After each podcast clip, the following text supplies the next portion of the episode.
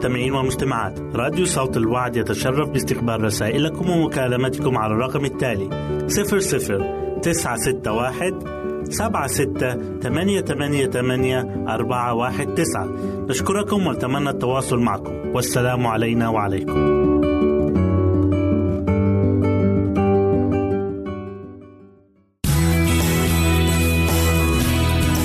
استماع وتحميل برامجنا من موقعنا على الإنترنت www.awr.org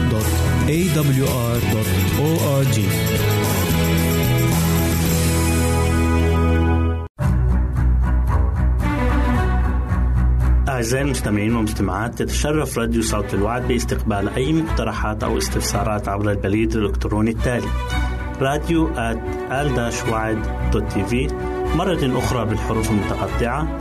R A D I O at A L شرطة W A A D نقطة تي في والسلام علينا وعليكم.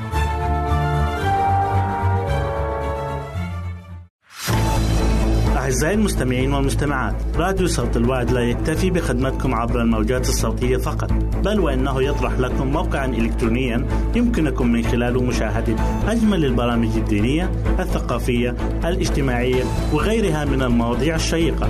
يمكنكم زيارة الموقع من خلال العنوان التالي www.al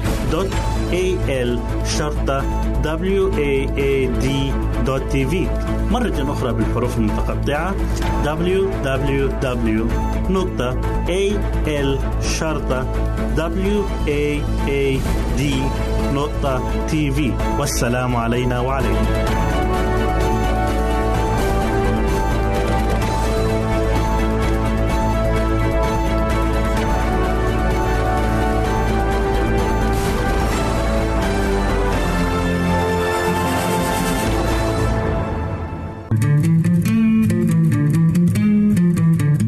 أنتم تستمعون إلى إذاعة صوت الوعي.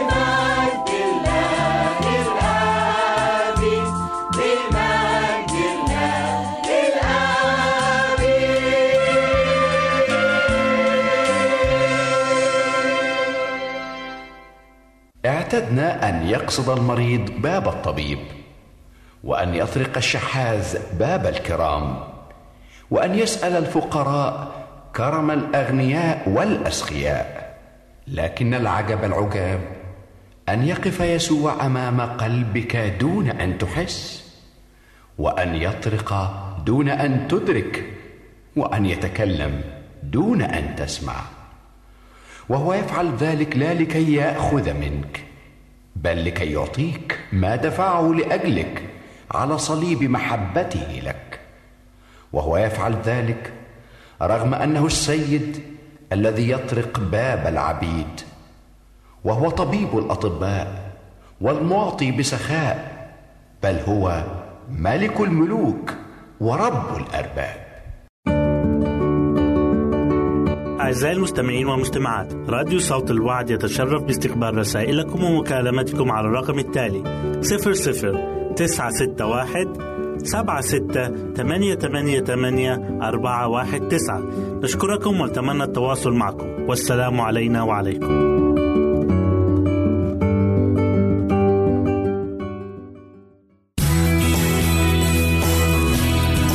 استماع وتحميل برامجنا من موقعنا على الإنترنت www.awr.org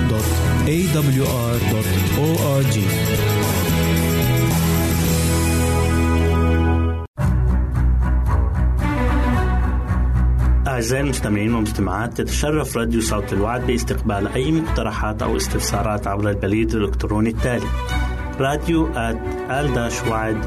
في مرة أخرى بالحروف المتقطعة. R A D I O at A L شرطة W A A D نقطة تي في والسلام علينا وعليكم. أهلا وسهلا بكم مستمعينا الكرام في كل مكان. يسعدني أن أقدم لكم برنامج أطفالنا زينة حياتنا. اتكلمنا في الحلقة اللي فاتت عن أمور تتسبب في إفساد الطفل. وفي حلقة اليوم هنكمل الحديث عن هذا الموضوع. وأول شيء هنتكلم عنه التهاون في البرنامج اليومي بتاع الطفل. لما بيكمل الطفل سنة بتكون الأم مش مدققة قوي في إنها تتبع النظام بتاعه. يعني بتعتبر إن الطفل خلاص كبر ويقدر ياكل أي أكل عادي. فأي طعام هي بتجهزه للأسرة بتبدأ تديله منه. وبتعمل كده عشان تتفادى صراخه وتتفادى الإزعاج بتاعه. ولو مثلا لو بيلعب بلعبة أو شخليلة في إيده أو أي حاجة ورماها على الأرض الأم تجيبها مرة تانية وتديها له.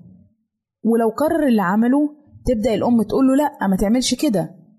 لكن لو كرر الموضوع ده ثلاث مرات أو أربعة الأم برضه بتجيبها وتديها له وبتتهاون في الأمر ده. وده من العادات الغلط إن إحنا نقول الكلمة وما تتسمعش.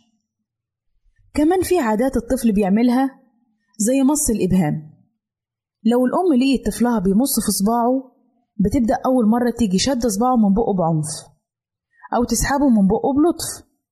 لكن مرة بعد مرة الأم بتبدأ تغفل الموضوع ده وبالطريقة دي بيبدأ الطفل يتعود على هذه العادة وبيستمر فيها وبتكون الأم في الوقت ده استسلمت الأمر الواقع. يعني تقول إيه؟ أنا ابني عنيد أنا مش عارفة أعمل معاه إيه. بتكون في حيرة كده مش عارفة تتصرف معاه إزاي. كمان لو مثلا لو جه وقت نومه وهو ما نامش نبص نلاقي فيه أمهات تنام جنب طفلها. وعلى ما يشعر الطفل إن الأم هتقوم وتسيبه تبص تلاقيه صحي وتبدأ الأم تزهق وتقول مش مهم إن هو ياخد الغفوة بتاعته بتاع الظهر. وده برضه من الحاجات الغلط. لأن هو المفروض يمشي على البرنامج بتاعه بانتظام. كمان الحلويات. لما الطفل بيرفض إن هو يشرب الحليب أو ياكل الخضار بنلجأ لحاجات تانية نديها له. زي مثلا عيش بمربى أو حلويات أو أي حاجة تانية. وتقول الأم يعني إيه هسيبه يموت من الجوع؟ لازم ياكل أي حاجة. وبننسى إن ده مش مفيد ليه. لأن فايدة اللبن والخضار تختلف تماما عن الحلويات. الحلويات بتضره مش بتنفعه. حاجة تانية نتكلم عليها إن الطفل بيكون محور الالتفات. لما بيكون كل تركيز الأسرة أو العيلة مع الطفل سواء كان في أكله أو شربه أو أي حركات يقوم بيها لما بنركز عليها قوي الطفل بيشعر إن هو المعبود في البيت. والأم تبص عليه كتير ومدياله كل اهتمامها ده مش صح لأن الطفل بالطريقة دي بيفقد البساطة بتاعته. يا ريت نخليها على طبيعته طبيعته الطاهرة الكويسة عشان منخليهوش يكتسب غباوة. وإن أي معاملة هو بيتعامل بيها ده حق شرعي ليه. ويبدأ الطفل بالطريقة ديت يسيء التصرف وممكن يتلفظ بألفاظ لا تليق. وكمان بيركز تفكيره على نفسه من غير ما يدي أي حقوق لأي حد حواليه. أو يفكر في راحتهم. وإذا عمل أي شيء حلو أو أي تصرف كويس تقعد الأسرة تكلم بعضيها كده بصوت واطي متهيئ لهم إن الطفل مش سامع. لكن بالعكس الطفل بيكون سامع وبيكون فاهم كل حاجة لأن الطفل ذكي جدا. في أطفال بتكون حادة الذكاء جدا وهي في عمر سنتين. بنبقى مركزين قوي مع الطفل في لعبه ومستمتعين جدا وإحنا تركيزنا كله عليه. أنا عارفة إن دي مشاعر كلها كويسة وجميلة وحلوة وإحنا كمان ككبار بنتبسط بيها لكن ما ننساش مصلحة الطفل فوق أي حاجة لأن الطفل لما بيكبر بعد كده إذا ما أخدش كل التركيز والاهتمام بيصير طفل عدواني بيصير طفل بيحب نفسه وأناني وإحنا مش عايزين ولادنا يتربوا ولا ينشأوا على كده لأننا بنكون دربناهم على ده وهم صغيرين من غير ما نقصد. مسكين الطفل.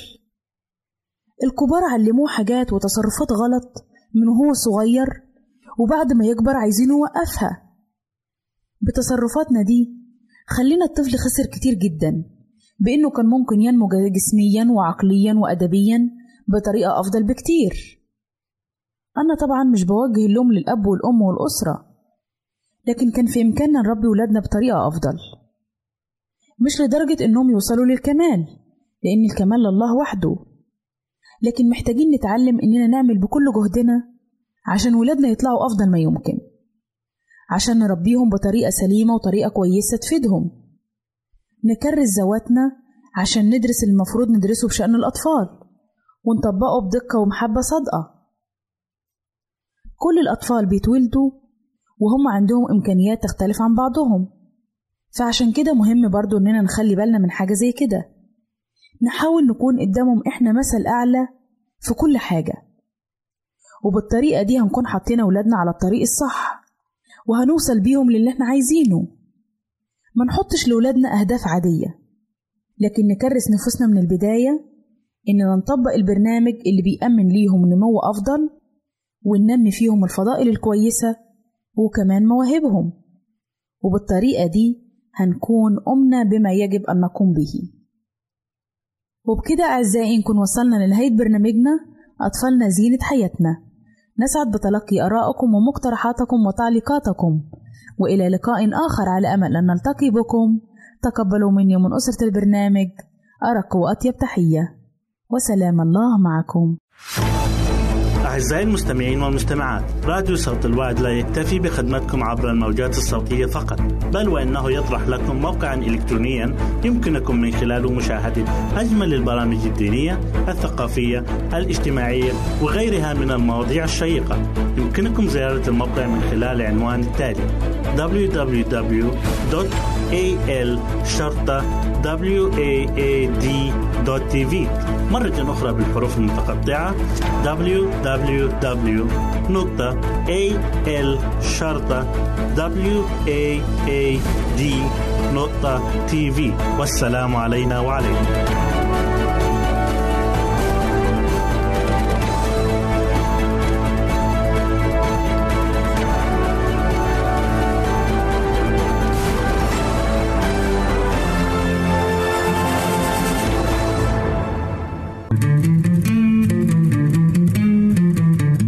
أنتم تستمعون إلى إذاعة صوت الوعد.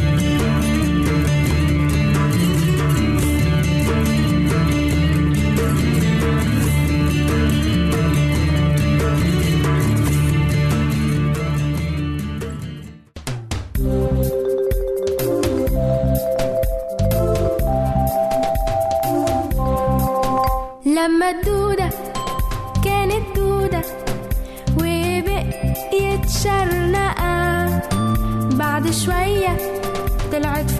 笑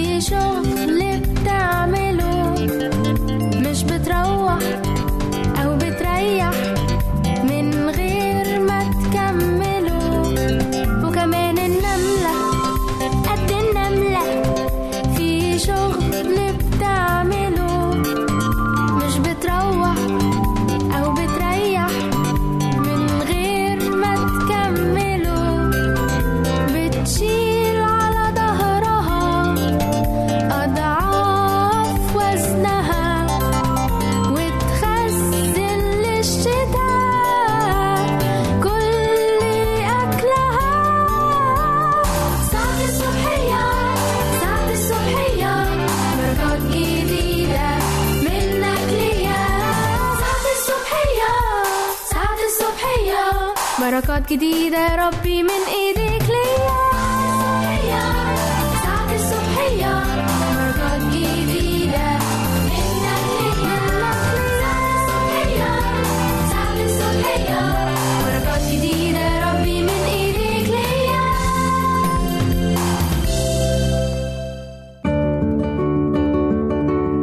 أعزائي المستمعين والمستمعات راديو صوت الوعد يتشرف باستقبال رسائلكم ومكالمتكم على الرقم التالي 00 961 سبعة ستة ثمانية ثمانية ثمانية أربعة واحد تسعة.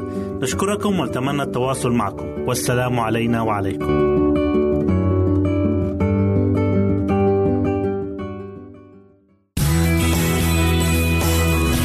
يمكنك استماع وتحميل برامجنا من موقعنا على الإنترنت. www.awr.org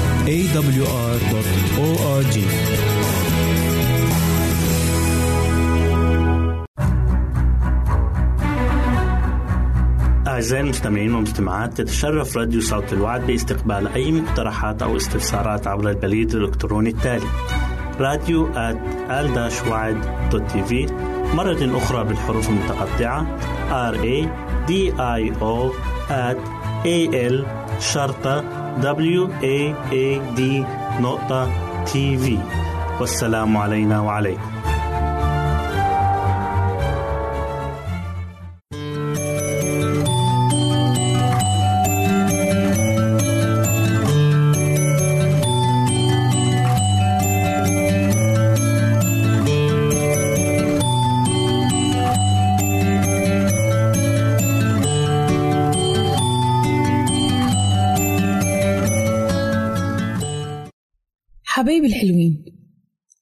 بيكم في برنامج قصص وحكايات لأحلى صبيان وبنات.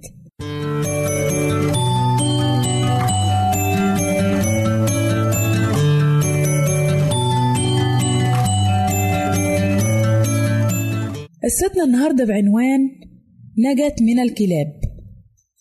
مع إن عبلة كان عندها سبع سنين لكن كانت بتساعد مامتها في حاجات كتير جدا.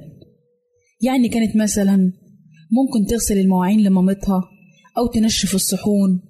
وكان كل ما تلاقي عندها وقت تحاول تساعد مامتها.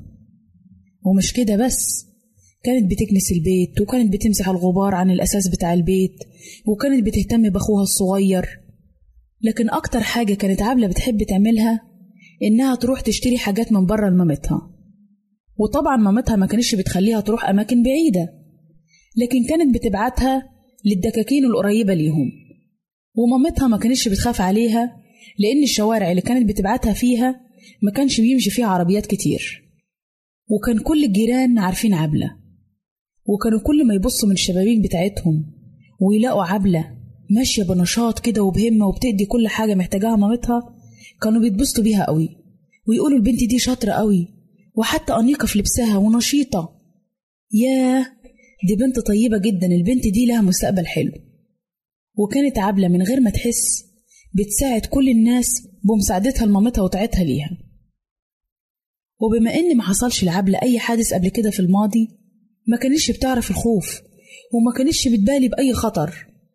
لكن حصل لها في يوم من الأيام حاجة هحكيها لكم.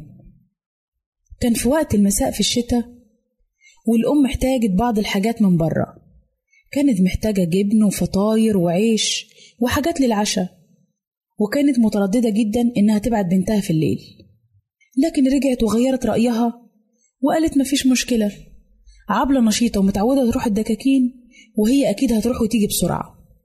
وراحت اديتها الفلوس وقالت لها ما تتأخريش في الطريق وانت جاية. وصلت عبلة المخبز وراحت اشترت العيش والفطير ومن دكان تاني اشترت منه الجبن. وفي طريقها وهي راجعة البيت ما مشيتش مسافة طويلة إلا ولقت كلبين ماشيين وراها. والكلاب لما شموا ريحة الخبز والجبن اللي معاها بدأوا يقربوا ليها أكتر وأكتر ويمشوا وراها ويشمشموا في الكيس اللي في إيدها. وهي حاولت تمشيهم بعيد عنها لكن برضو الكلاب مش سايبينها. بدأت تمسك الكيس وترفعه فوق راسها. لكن برضو الكلبين مش راضيين يرجعوا من وراها وبدأوا يتنططوا عشان يوصلوا للكيس. لكن البنت يا حرام حاولت بكل قوتها إن هي تمشيهم بعيد وفي الوقت ده عشان الجو شتا كل الناس مقفلة البيبان بتاعتها وقاعدين جوه البيت. ولما الكلاب بدأوا يضايقوها عشان يوصلوا للكيس بدأت تجري وبدأوا الكلاب يجروا وراها وينبحوا. وخافت جدا عبلة واللي زاد خوفها أكتر إنها بصت على جنب الطريق لقيت تلات كلاب تانيين. راحوا اشتركوا مع الكلبين اللي بيطاردوا عبلة وفي وقت قصير جدا كانت عبلة محوطة حوالي خمس ست كلاب. وكلهم عمالين يتنططوا وهي بنت صغيرة عايزين يوصلوا للأكياس اللي معاها. وزي ما قلنا إن عبلة كان عمرها في الوقت ده سبع سنين لكنها كانت بنت شجاعة وعندها إيمان قوي جدا في ربنا. طيب تفتكروا عبلة عملت إيه في الوقت المحرج ده؟ أنا عارفة اللي عبلة عملته لأن أنا سمعت منها القصة وأكيد هي ما نسيتش حاجة وهي بتحكيها لي. وفي الوقت اللي الكلاب حواليها وعمالة تنبح راحت غمضت عينيها وبدأت تصلي لربنا عشان يطرد عنها الكلاب. وفجأة بطلت الكلاب تنبح وبطلوا يتنططوا عليها وفتحت عبلة عينيها عشان تشوف الكلاب بصت لقيتهم بينسحبوا واحد ورا التاني مدلدلين ودانهم كده وماشيين. وبان على الكلاب الخوف كأن راجل كبير جالهم بعصاية. ولما طال غياب عبلة عن البيت قلقت مامتها وطلعت بره البيت وقعدت تبص عليها وتسأل الجيران. وفي أثناء عبلة ما كانت معدية من الطريق بتلف من شارع لشارع مامتها شافتها. وعلى ما بصت عليها عرفت من ملامح وشها إن في حاجة حصلت لها. ممكن يكون اللي حصل لعبلة ده حاجة بسيطة لكن في نظر عبلة لأنها بنت صغيرة ده بالنسبة لها حاجة كبيرة جدا تفضل فاكراها طول أيام حياتها. ومن القصة دي يا ولاد نتعلم درس مهم جدا في حياتنا.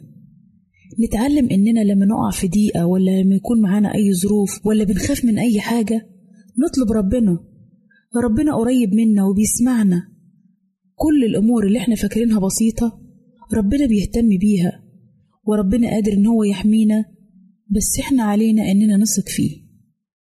وبكده حبايبي نكون وصلنا لنهاية قصتنا واستنونا في قصة جديدة من برنامج قصص وحكايات لأحلى صبيان وبنات. ربنا معاكم.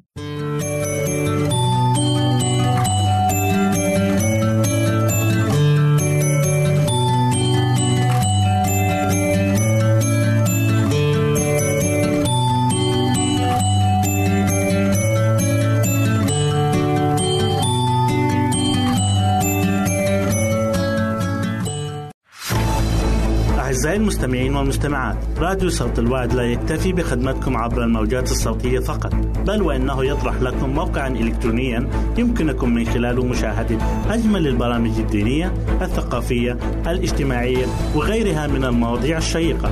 يمكنكم زيارة الموقع من خلال العنوان التالي www.al-waad.tv مرة أخرى بالحروف المتقطعة www.al-waad.tv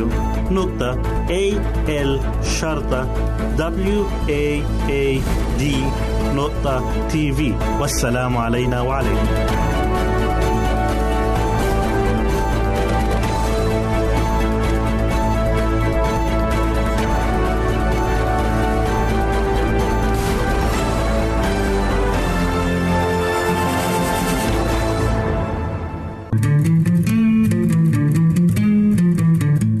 أنتم تستمعون إلى إذاعة صوت الوعي.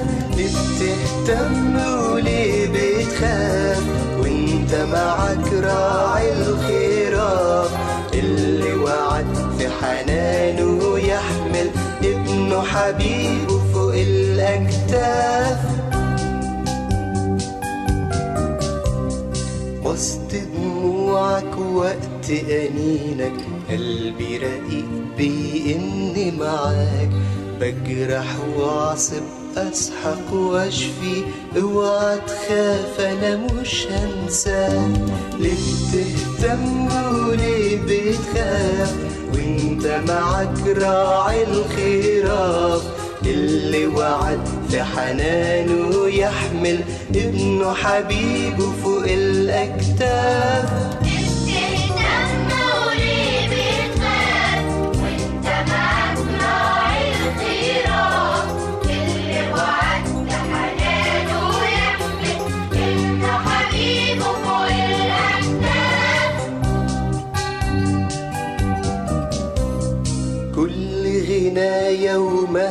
وعزي كل ما ليا دفع لإيديك.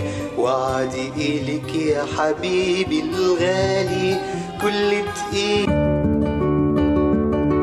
أعزائي المستمعين والمستمعات راديو صوت الوعد يتشرف باستقبال رسائلكم ومكالمتكم على الرقم التالي 00 961 سبعة ستة ثمانية ثمانية ثمانية أربعة واحد تسعة. نشكركم ونتمنى التواصل معكم. والسلام علينا وعليكم.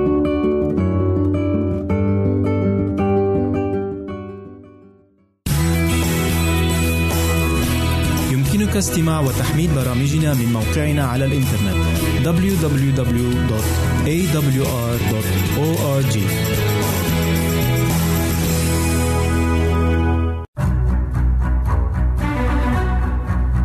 أعزائي المستمعين والمستمعات تتشرف راديو صوت الوعد باستقبال أي مقترحات أو استفسارات عبر البريد الإلكتروني التالي راديو TV مرة أخرى بالحروف المتقطعة R A D I O A L شرطة W A A D نقطة TV والسلام علينا وعليكم.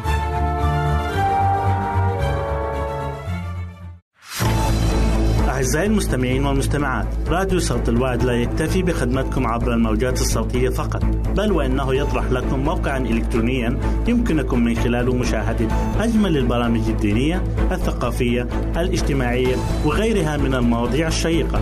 يمكنكم زيارة الموقع من خلال العنوان التالي www.al شرطة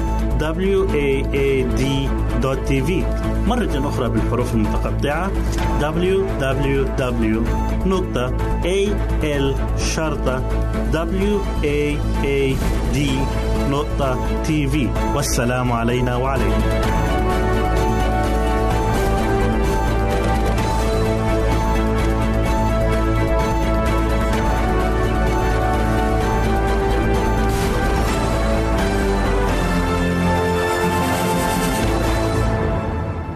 مستمعينا الكرام نرحب بكم في هذه الحلقة الجديدة من برنامجكم اليومي المحبب بيتي جنتي وهي بعنوان الميعاد المحدد.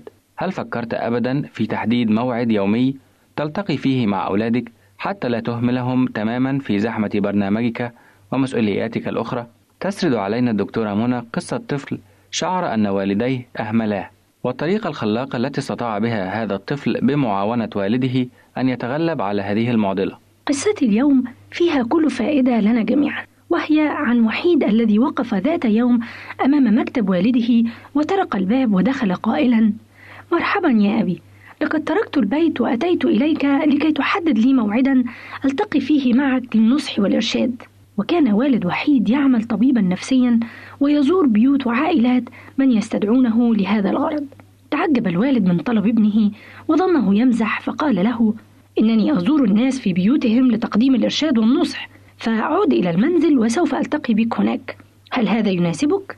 كلا بل أريد موعدا معك كما تفعل مع باقي الأطفال وسأدفع لك الأجر مهما كان مرتفعا. تنهد الأب وقال يا وحيد لن أتقاضى أتعابي من ابني وحبيبي. ولكن هذا كله لم يثني الولد عن طلبه الأول فقال وهو يخرج شيئا من جيبه. إليك بعض النقود. لقد علمت أنك تقبل النظر في حالات الأطفال المهجورين والمتروكين من قبل والديهم. فقد استمعت إليك وأنت تتحدث تليفونيا في هذا الشأن مع أحد الأشخاص وأنا أشعر بالوحدة. أفلا تحدد لي موعدا معك؟ قال الأب وقد اشتدت دهشته. أنا لا أكاد أصدق ما تقول يا ابني. فأنا أعرف والدك جيدا وهو ليس من النوع الذي يهمل أولاده. الأفضل أن تجلس الآن وتخبرني عن أمرك. أنت يا أبي تعرف نفسك جيدا لأنك تقضي وقتا أطول مع نفسك مما أقضيه أنا معك. وعند هذا الحد استند الأب إلى مكتبه وقال أخبرني يا وحيد عن أمرك بالتفصيل. فبدأ وحيد يسرد على والده الطبيب القصة التي كان الأب ملم بها كل الإلمام وكيف أنه كان يعيش مع شقيقه بمفردهما في رعاية والدهما. وكيف بدأ والدهما يهتم أكثر بعمله ويتغيب عن البيت لساعات طويلة خاصة بعد وفاة زوجته. وكيف حرم الأولاد من صحبة والدهم والتنزه معه كما اعتادوا من قبل. طبعا كان الأب يستمع إلى قصته هو على فم ابنه. لم يتوقف وحيد عند هذا الحد بل مضى يروي اختباره الأليم أمام والده. وكيف أنه حاول مرة أن يبهق قلب والده الحزين بأن أعد له طعاما خاصة كما اعتادت الأم أن تفعل. ولكن والده لم يأتي حتى لتناول العشاء. إذ كان منشغلا في بعض الاجتماعات وعندما عاد إلى البيت متأخرا كل ما فعله هو انتهاره لابنه لأنه لم ينظف أواني المطبخ. وأخيرا بدأ وحيد يبكي أمام والده ويواصل سرده لاختباره المرير وكيف أن الطبيب اتصل بهم ليبحث مع والده العلاج الذي يحتاجه لمرض عضال أصابه. كيف أن والده لم يهتم بالأمر ويتصل بالطبيب ليعرف ما أراده من علاج لابنه. وعند هذا الحد اهتز كيان الأب اهتزازا عنيفا إذ تذكر كل هذا وقال لابنه أنت تعلم مدى أهميتك بالنسبة لي يا ابني. بالطبع أنا اتصلت بالطبيب مرة أخرى ولكن لم يكن لي وقت حتى أناقش الأمر معك. إن الحقائق التي سردها وحيد على والده أصابته في الصميم. وأخيرا قال لابنه لي الشعور يا ابني أن حل معضلتك سيستغرق وقتا فأنت وأنا نحتاج إلى النصح والإرشاد. وقد يستغرق الأمر سنوات عدة. قال وحيد باسما لا أمانع يا أبي أن يستغرق علاجي كل هذا الوقت. إذا فالأفضل أن تحدد موعدا معينا نلتقي فيه بصورة منتظمة. ماذا عن كل يوم فور انتهاء المدرسة؟ وقد أوصى طبيبك أن ترقد قليلا كل يوم. فيمكننا أن نرقد سويا كل يوم لمدة ربع ساعة أو نصف ساعة. ما رأيك؟ فقال وحيد وقد نهض واحتضن والده الطبيب النفساني. هذا عظيم يا أبي. وسيبدو الأمر بذات القيمة أعزائي الوالدين إن حددتم لأولادكم مواعيد ثابتة تلتقون فيها معهم وبذلك تتجنبوا دفع أولادكم نحو الشعور بالوحدة والهجر. نعم أحبائي الصغار المستمعين إلينا الآن فإن فات والديكم تحديد مواعيد معكم فاذهبوا أنتم إليهم وذكروهم بواجبهم تجاهكم وبضرورة قضاء بعض الوقت الخاص معكم كل يوم وحتى الحلقة القادمة نتمنى لكم كل خير وتوفيق. أعزائي المستمعين والمستمعات راديو صوت الوعد لا يكتفي بخدمتكم عبر الموجات الصوتية فقط بل وإنه يطرح لكم موقعا إلكترونيا يمكنكم من خلاله مشاهدة أجمل البرامج الدينية الثقافية الاجتماعية وغيرها من المواضيع الشيقة. يمكنكم زيارة الموقع من خلال العنوان التالي www.al-waad.tv مرة أخرى بالحروف المتقطعة. Www.al-waad.tv والسلام علينا وعليكم.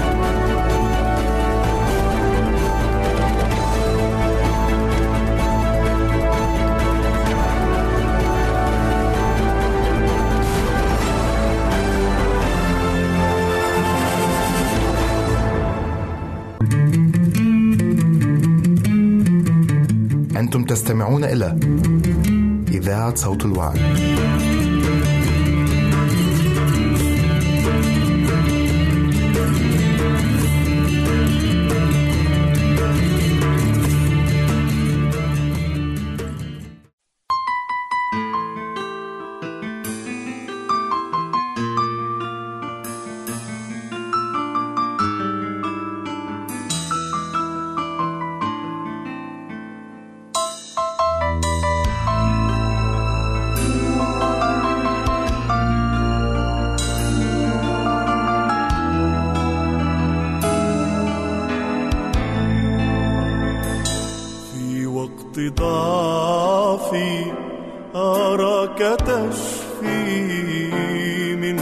سقطتي وعند ضيقي تبقى صديقي وسلوتي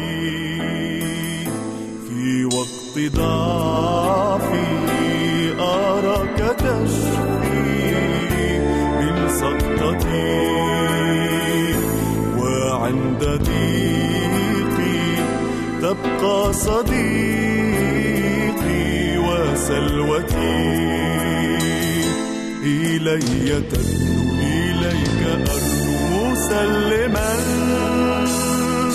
لست لذاتي وشهواتي بل حياتي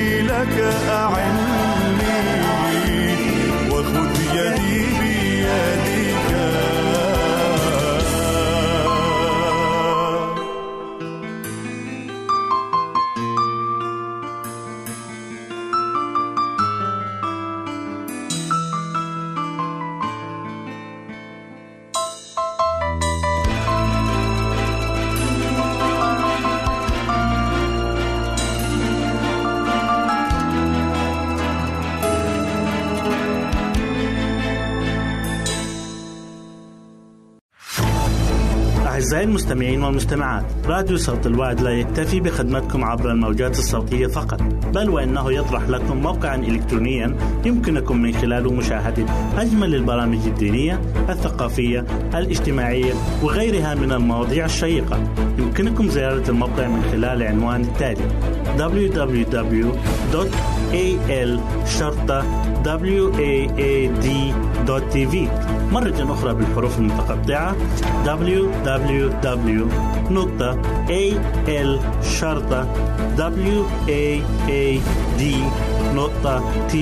والسلام علينا وعليكم.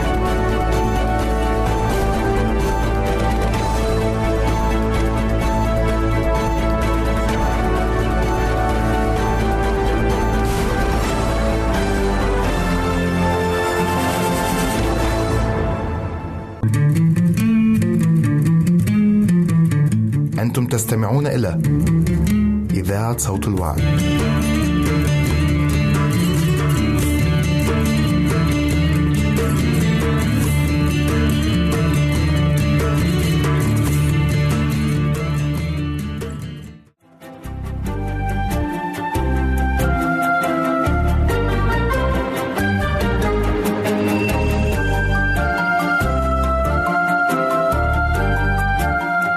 مرة أخرى أعزائي المستمعين نرحب بكم في حلقة جديدة من برنامج دروس حياتية من عائلات كتابية.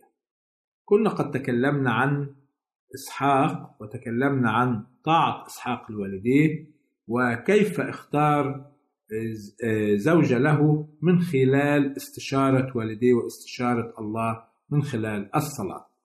يذكر أيضا تكوين 24 أن إبراهيم طلب من ألعازر الدمشقي أن لا يأخذ زوجة لإسحاق من بنات الكنعانيين الذين يسكن في وسطه بل يذهب إلى أرضه وعشيرته ليأخذ زوجة لابنه إسحاق ويفهم أن إبراهيم لا يريد زوجة من الكنعانيات لأنهن وثنيات وهنا نتساءل أليست عشيرة إبراهيم من بلاد ما بين النهرين هم أيضا وثنيين؟ فما الفرق بين هؤلاء وبين بنات كنعان؟ هذا السؤال هام جدير بالتأمل والتفكير فيه. حيث نجد بالفعل بنات كنعان كن وثنيات وبنات ما بين النهرين أيضا لم يكن متحررات من عبادة الأوثان. ولكن الفرق الوحيد هو أن عشيرة إبراهيم وبنات ما بين النهرين كانوا محتفظين بمعرفة الإله الحقيقي وعبادته وكانوا يدركوا جيدا أن إبراهيم يعبد الإله الخالق رب السماء والأرض وحده ولا يعبد الأوثان. لذلك فكر إبراهيم أن الفتاة التي ستقبل أن تترك بيتها وأرضها وتأتي لتعيش مع إسحاق سوف تتحد معه في حفظ العبادة الحقيقية والنقية للإله الحقيقي. ونجد أن إبراهيم لابد أنه صلى في اختيار زوجة إسحاق. وإسحاق نفسه طلب من الله أن يعين له الزوجة المناسبة. وحتى ألعازر الدمشقي عبد إبراهيم عندما وصل إلى المكان حيث كان أقرباء إبراهيم ساكنين فيه نقرأ ذلك في سفر التكوين أصحاح 24 والأعداد من 12 إلى 14 ماذا فعل ألعازر الدمشقي؟ يقول الكتاب وقال أيها الرب إله سيد إبراهيم يسر لي اليوم واصنع لطفا إلى سيد إبراهيم. ها أنا واقف على عين الماء وبنات أهل المدينة خارجات ليستقين ماء. فليكن أن الفتاة التي أقول لها أميلي جرتك لأشرب فتقول اشرب وأنا أسقي جمالك أيضا هي التي عينتها لعبدك إسحاق. وبها أعلم أنك صنعت لطفا إلى سيدي. هنا نجد أن عبد إبراهيم تعلم الدرس من سيده إبراهيم حيث طلب من الله في الصلاة أن يعين ويختار الزوجة المناسبة لإسحاق. وهذا أيضا ما يعلمه إيانا الكتاب المقدس فيما يختص باختيار شريك الحياة. يجب أن نطلب من الله أن يختار ويعين الطرف المناسب. وشريك الحياة المناسب حتى ما يكون البيت مؤسسا بطريقة صحيحة. ونسمع ما يقوله الكتاب المقدس في مزمور 127 عدد واحد إن لم يبني الرب البيت فباطلا يتعب البناؤون وإن لم يحفظ الرب المدينة فباطلا يسهر الحارس. آه نريد أن ننتقل أيضا إلى تكوين 24 ونرى كيف أنجح الله تدبير زوجة مناسبة لإسحاق وهي رفقة. ما هو الدرس الهام الذي نتعلمه كأسر وعائلات من زواج إسحاق برفقة؟ هناك آية هامة في نهاية أصحاح 24 من التكوين حيث تقول كلمة الرب أن إسحاق أخذ رفقة وأدخلها إلى خيمة سارة أمه وصارت زوجة له. وتأتي بعد كلمة صارت زوجة له كلمة هامة. وهي وأحبها. كثيرا ما يعتقد الشباب والشابات في أيامنا هذه أن الحب ينتهي عند الزواج. هذا للأسف لأن مفهوم الحب عند الكثيرين يتعلق بالأمور الحسية أو الجسدية. الحب في مفهوم البعض هو إشباع رغبة أو غريزة وعندما يصل الإنسان إلى هذا ينتهي ما يسمى خطأ بالحب. ولكن الكتاب المقدس يعرفنا أن الحب الحقيقي أو المحبة الحقيقية بين الرجل والمرأة بين الشاب والفتاة ينبغي أن تستمر بعد الزواج. فالزواج الذي يرى البعض أن الحب ينتهي عنده هذا ليس حبا كما قلنا لكنه شهوة أو غريزة. فالمحبة الحقيقية يقول عنها الكتاب المقدس في كورنثوس الأولى الأصحاح الثالث عشر والعدد الثامن. المحبة لا تسقط أبدا. هذا هو الحب الحقيقي. ما هو الشيء الذي جعل إبراهيم يخشى أن يرتبط ابنه إسحاق بزوجة وثنية؟ لا تعرف شيئا عن الإله الحقيقي. كان إبراهيم يعرف النتائج التي حدثت أيام نوح من ارتباط بنات وثنيات بأبناء الله. رأى نتائج زواج إسماعيل من نساء وثنيات رأى نتائج زواج لوط من زوجة وثنية كل هذا أثر على إيمان رجال الله. فكان يخشى إبراهيم أن زواج ابن إسحاق من زوجة غير مؤمنة يمكن أن يقوده للابتعاد عن الله. وهذا درس هام لكل بيت. يقول الكتاب لا تكونوا تحت نير مع غير المؤمنين حيث أن المؤمن وغير المؤمن اللذان يختلفان اختلافا بينا فيما بينهما يمكن للطرف غير المؤمن أن يقود الطرف المؤمن إلى حياة العالم والابتعاد عن الله. سعدت أن أكون معكم في هذه الحلقة وحتى ألقاكم في حلقة قادمة. سلام الرب يكون معكم. نرجو التواصل معنا عبر هذه العناوين. للتشات www.al-waad.tv وللرسائل radio at al-waad.tv والاتصال عبر الواتساب 961 76 888 419 961 76 888 419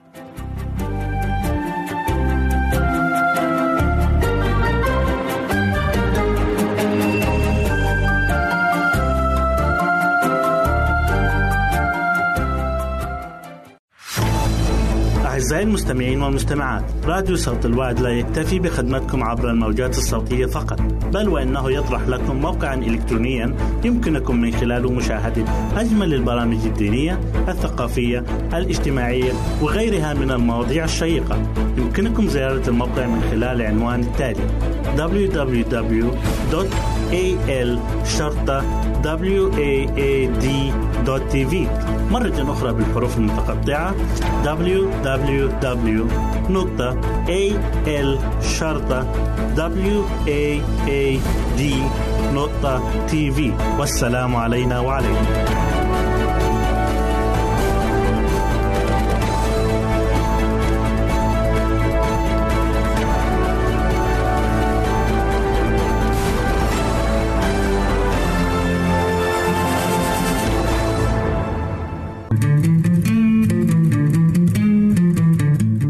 تستمعون إلى إذاعة صوت الوعد.